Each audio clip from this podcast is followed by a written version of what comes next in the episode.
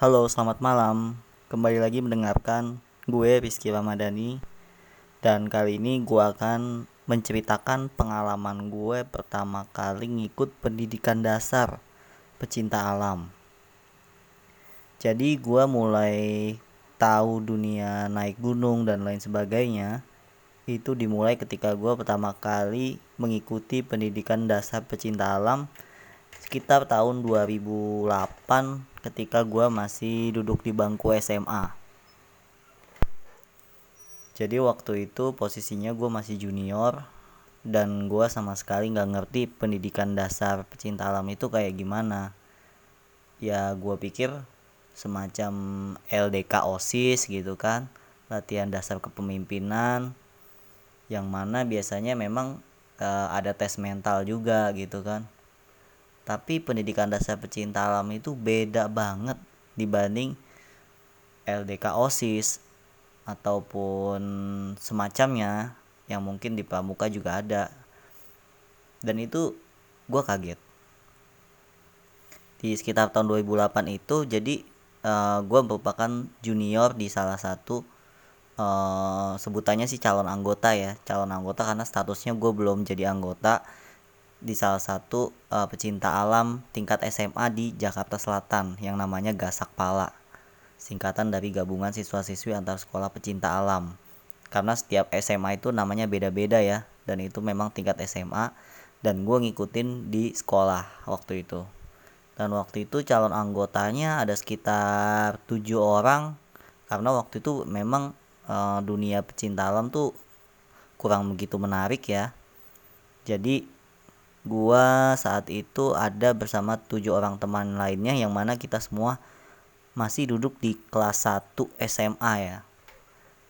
Dan itu dilakukan ketika bulan-bulan sekitar bulan Desember kalau nggak salah. Pendidikan itu dilaksanakan bulan Desember tahun 2008 eh, tempatnya pada saat itu di Gunung Salak. Jadi eh, gue juga belum tahu waktu itu di Gunung Salak sebelah mananya. Tapi ternyata setelah kemudian gue ikuti oh jadi uh, kita ada di Gunung Salak melalui jalur Cidahu hanya sampai uh, apa itu? Kawah Ratu. Ya jadi rutenya itu melewati jalur Salak yang lama kemudian ke Kawah Ratu. Tapi kita nginep dua malam di sana. Karena uh, weekend sekolah waktu itu belum libur.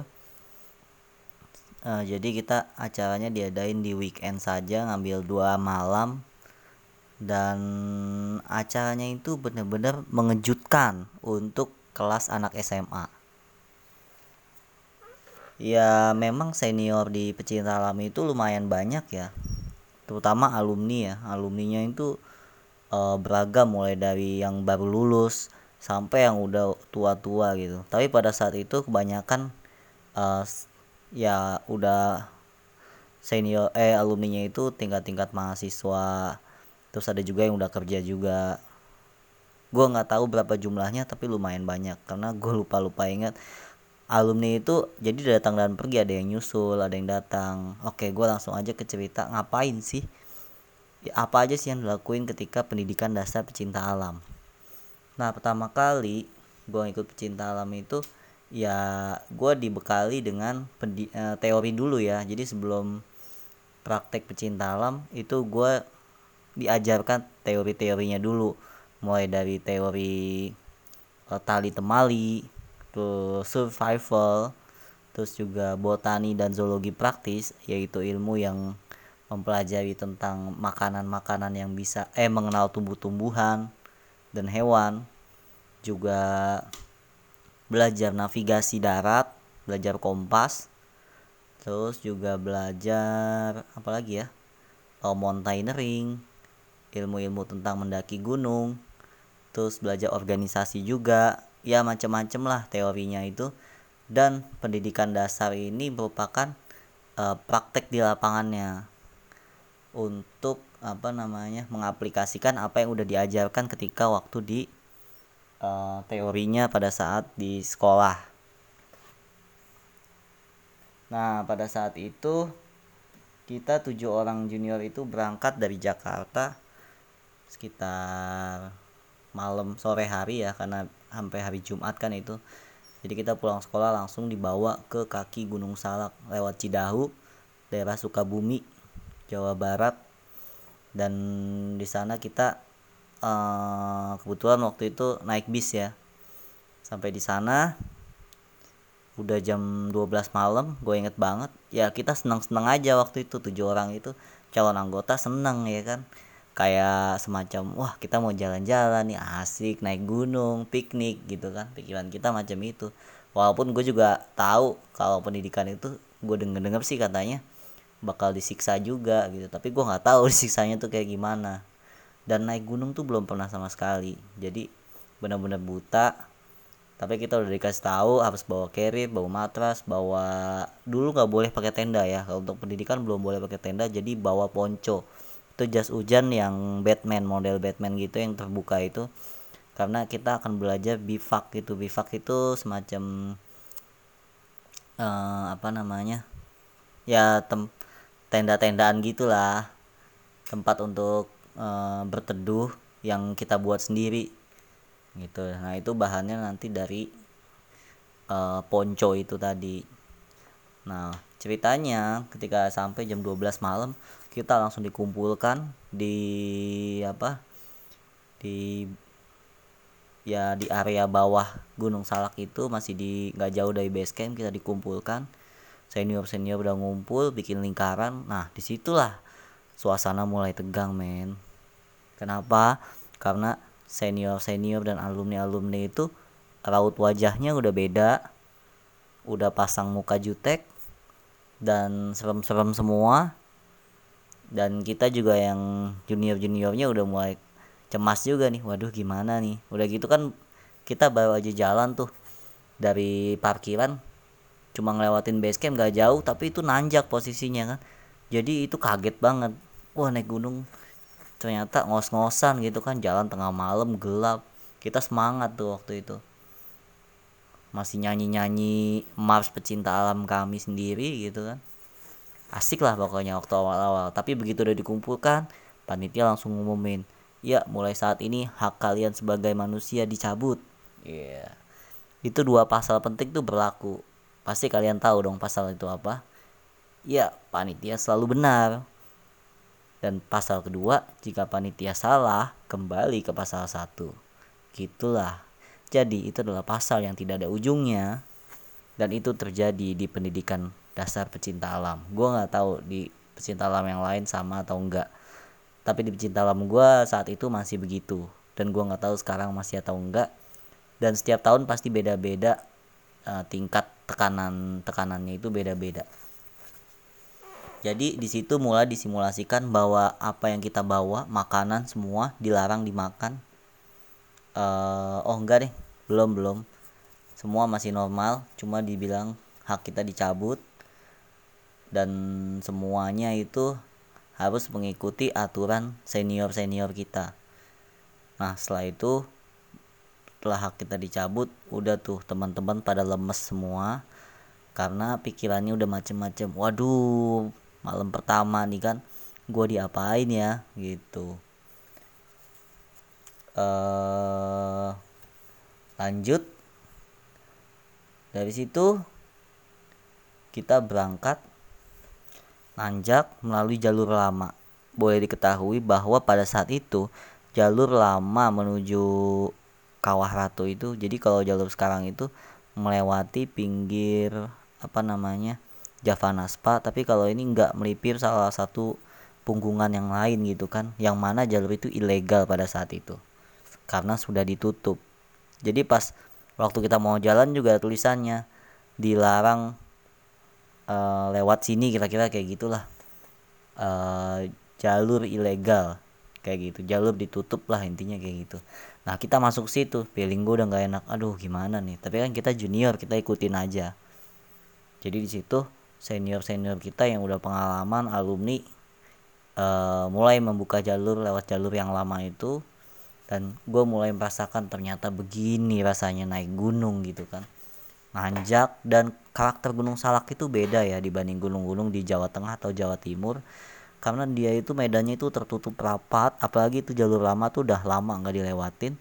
Tertutup rapat eh, pohonnya tinggi-tinggi dan tengah malam itu ya gelap banget kita pakai senter sama-sama masing-masing pegang senter dan situ kita terus-terusan nyanyi. Dan ditambah lagi itu hujan. Jadi medan Gunung Salak itu memang setiap setiap waktu tuh pasti selalu basah kayak gitu. Jadi ya udah basah-basahan berlumpur dan dingin pastinya dingin. Gua kaget karena ternyata naik gunung itu capek ya gitu. Nanjak terus nanjak terus apalagi malam gitu kan nggak kelihatan. Dan ini posisinya pendidikan. Jadi nggak ada yang ketawa-ketawa enak gitu kan. Berapa menit istirahat gitu kan. Tapi habis itu digenjot lagi sama seniornya ayo su jalan lagi su jalan lagi. Ada juga yang perempuan itu uh, dia juga kayaknya udah mulai uh, apa ya semacam ngedown juga sih dia kayak gitu. Karena ini kita belum mulai nih acara belum mulai. Jadi masih baru perjalanan aja jam 12 malam sampai akhirnya kita jam 2 baru nyampe titik di mana wilayah yang bisa buka camp. Nah di situ kita buka camp nah senior senior kita galak tuh ya. Kita tuh dikumpulin apa-apa pokoknya bentar-bentar kita dikumpulin. Bentar-bentar kita dikumpulin. Dan yang gak enak kalau pendidikan itu pasti dikumpulin tuh ada hitungannya. Satu dua tiga. Lewat dari sepuluh nanti bakal ada hukumannya. Dan biasanya hukumannya push up. Jadi lu bayangin tengah malam dingin dingin lu harus kaget buru-buru gitu gak bisa santai-santai. Pokoknya semuanya dihitung waktu lu misalnya baru aja copot sepatu gitu kan terus harus siap. Pasang sepatu lagi. Nah dari situ kalau lu gagal lu akan dihukum. Hukumannya push up.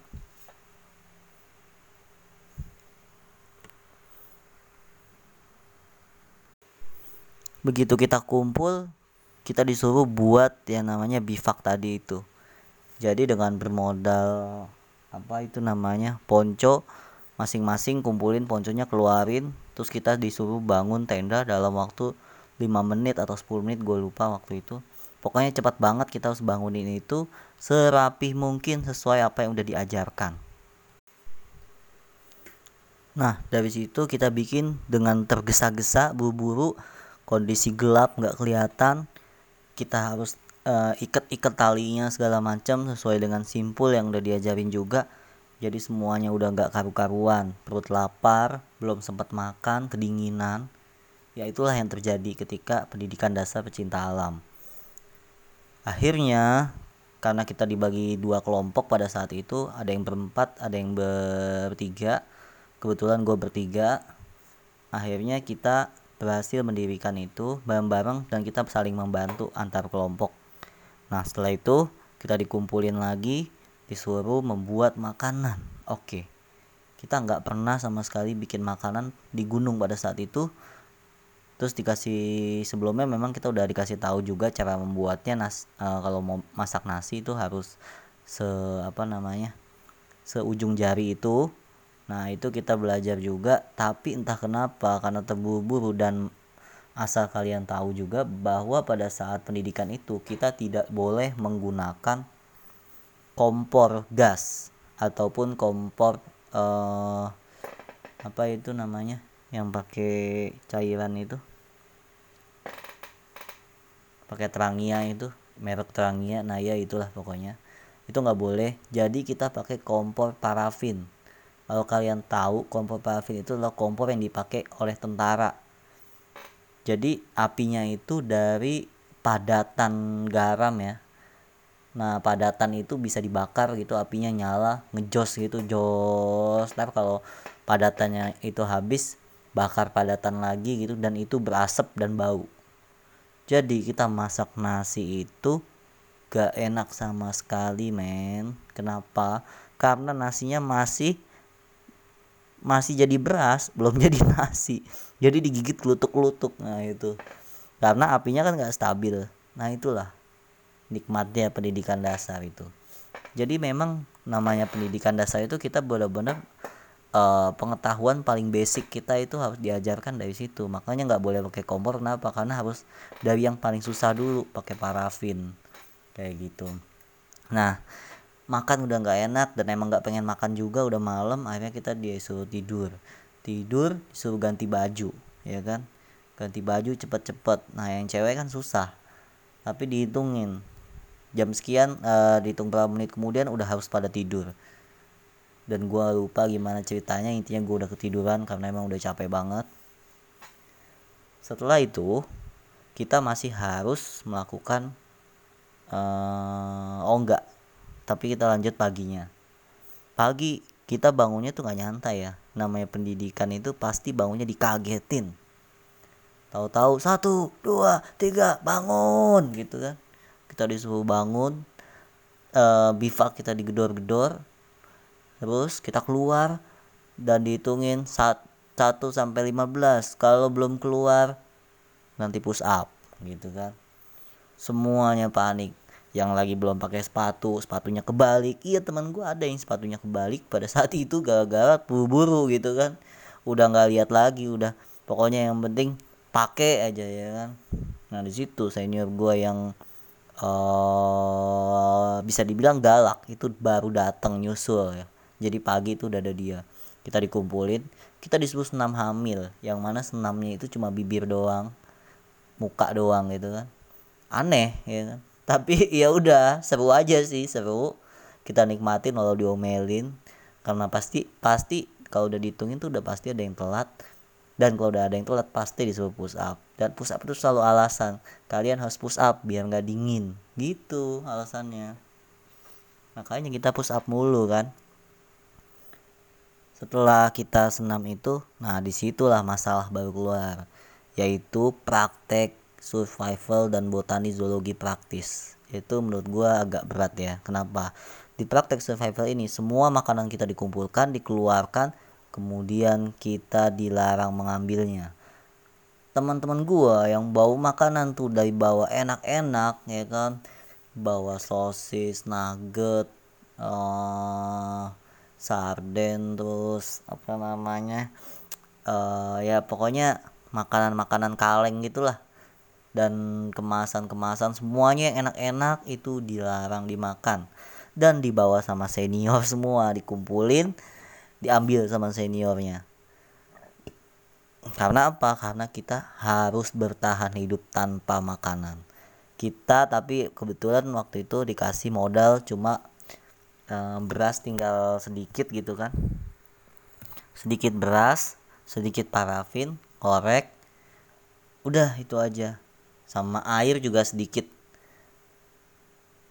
Nah di situ kita udah mulai uh, mencoba untuk mengenal tanaman-tanaman yang bisa dimakan. Tapi di situ keras banget loh. Sebelum kita mm, memulai prakteknya kita disuruh guling-gulingan dulu di lumpur. Nggak tahu kenapa itu katanya biar biar apa namanya biar tambah semangat gitu kan. Biar bergerak terus. Habis senam kata oh iya katanya itu biar supaya pada mandi dikotor-kotorin dulu guling-gulingan di lumpur. Medan gunung salak tuh becek kan jadi ya udah cocok deh. Semua nih badan coklat semua baju kotor semua. Baju gua yang mana gua ditunjuk sebagai danlap komandan lapangan dan bajunya beda sendiri warna putih udah jadi nggak karu-karuan warnanya. Warnanya jadi coklat udah kayak apa ya gembel lah setelah itu karena kita udah kotor-kotoran selanjutnya disuruh apa? Disuruh nyebur nyebur ke sungai. Jadi di atas itu ada sungai kecil gitu kita disuruh nyebur di situ kita direndam. Masya allah dingin banget. Kita uh, apa namanya air di puncak aja tuh kalau kita ke puncak itu kan airnya udah dingin gitu kan. Apalagi ini di Gunung Salak tapi di gunungnya gitu kan. Langsung dari alam airnya dingin banget parah itu. Rasanya kayak mau beku gitu kan kayak mandi air es gitu. Nah itu yang terjadi ketika kita uh, ketika gua mengalami pendidikan dasar. Usai dimandiin baru kita disuruh cari tanaman-tanaman yang bisa e, dimakan berdasarkan teori yang kita udah dapet. Jadi teorinya itu kan tanaman yang bisa dimakan itu yang tidak berbulu terus tidak gatal ketika di bibir dicobain gitu kan. Terus senior gue ada tuh yang galak disuruh uh, gue bilang ini ini bang uh, ini tanaman yang bisa dimakan. Terus sama dia gue disuruh cobain. Pas gue cobain pahit men. Gue juga salah gitu kan ternyata itu bukan tanaman yang bisa dimakan. Pahit banget. Terus gue disuruh lepeh. Udah lepehin lagi. Tapi itu gue diomel-omelin. Gimana sih? Katanya udah belajar teorinya. Kok masih nggak ngerti gitu kan.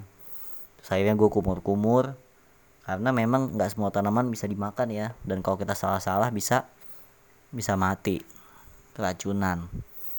Kayak gitu. Dan akhirnya dikenalin tuh tanaman. Dari sekian banyak tanaman yang paling gue suka adalah begonia. Kenapa? Karena tanaman itu rasanya seger asem tapi banyak airnya. Dan enak sih. Ya dibandingkan tanaman lain yang pahit-pahit gitu.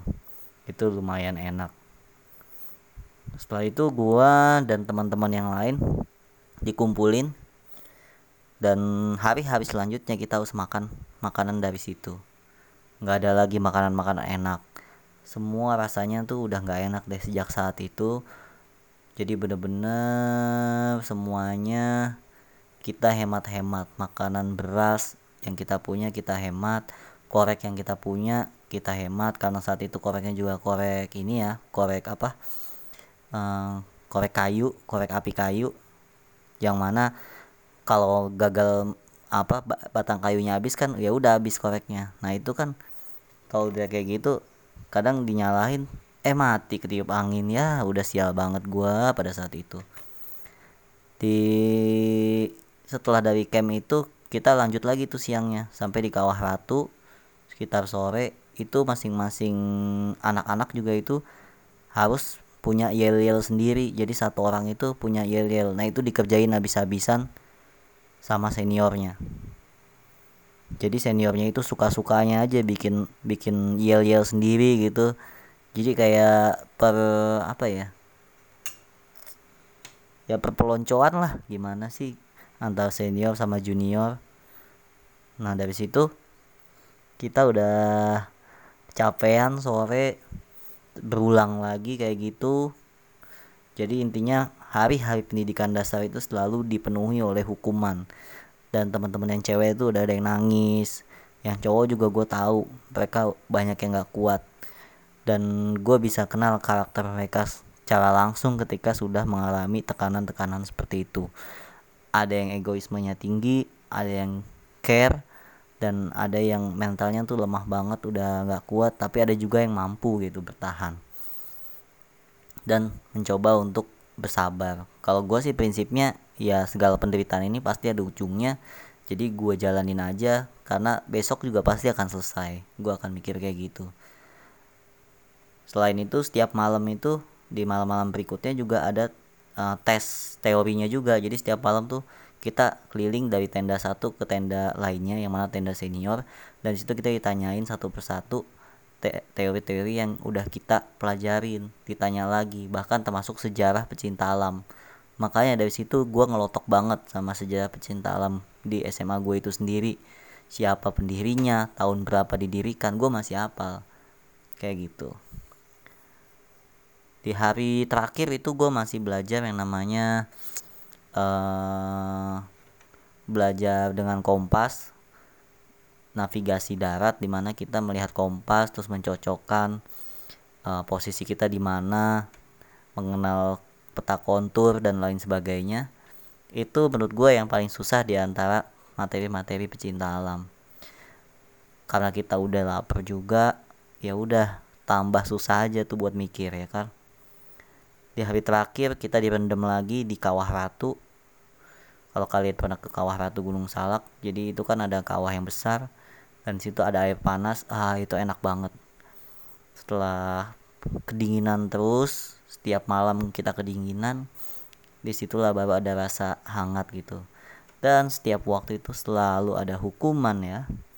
Sampai akhirnya di situ kita dilantik dan masing-masing digampar ya kan zaman dulu digambar tapi kalau pas pada saat gua itu udah nggak terlalu banyak yang ngegampar tapi masih ada yang ngegampar juga. Jadi itu kayak uh, sel ucapan selamatnya tuh digampar gitu loh. Yang mana kalau sekarang itu mungkin itu termasuk bagian dari kekerasan fisik ya. Tapi itu uh, setelah gue alamin pada saat dulu emang sakit gitu tapi seru gitu kalau diceritain sekarang.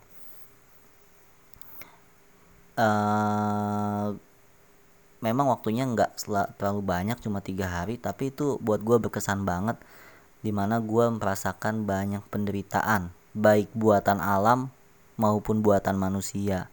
Jadi sebenarnya tanpa gue diuji uh, oleh manusia-manusia senior dan alumni itu gue sudah teruji oleh alam medan gunung salak sendiri yang uh, bisa dibilang buat pemula itu lumayan berat gitu. Dingin apalagi karena kita bajunya selalu basah kalau kurang hati-hati tuh kita bisa hipotermia juga.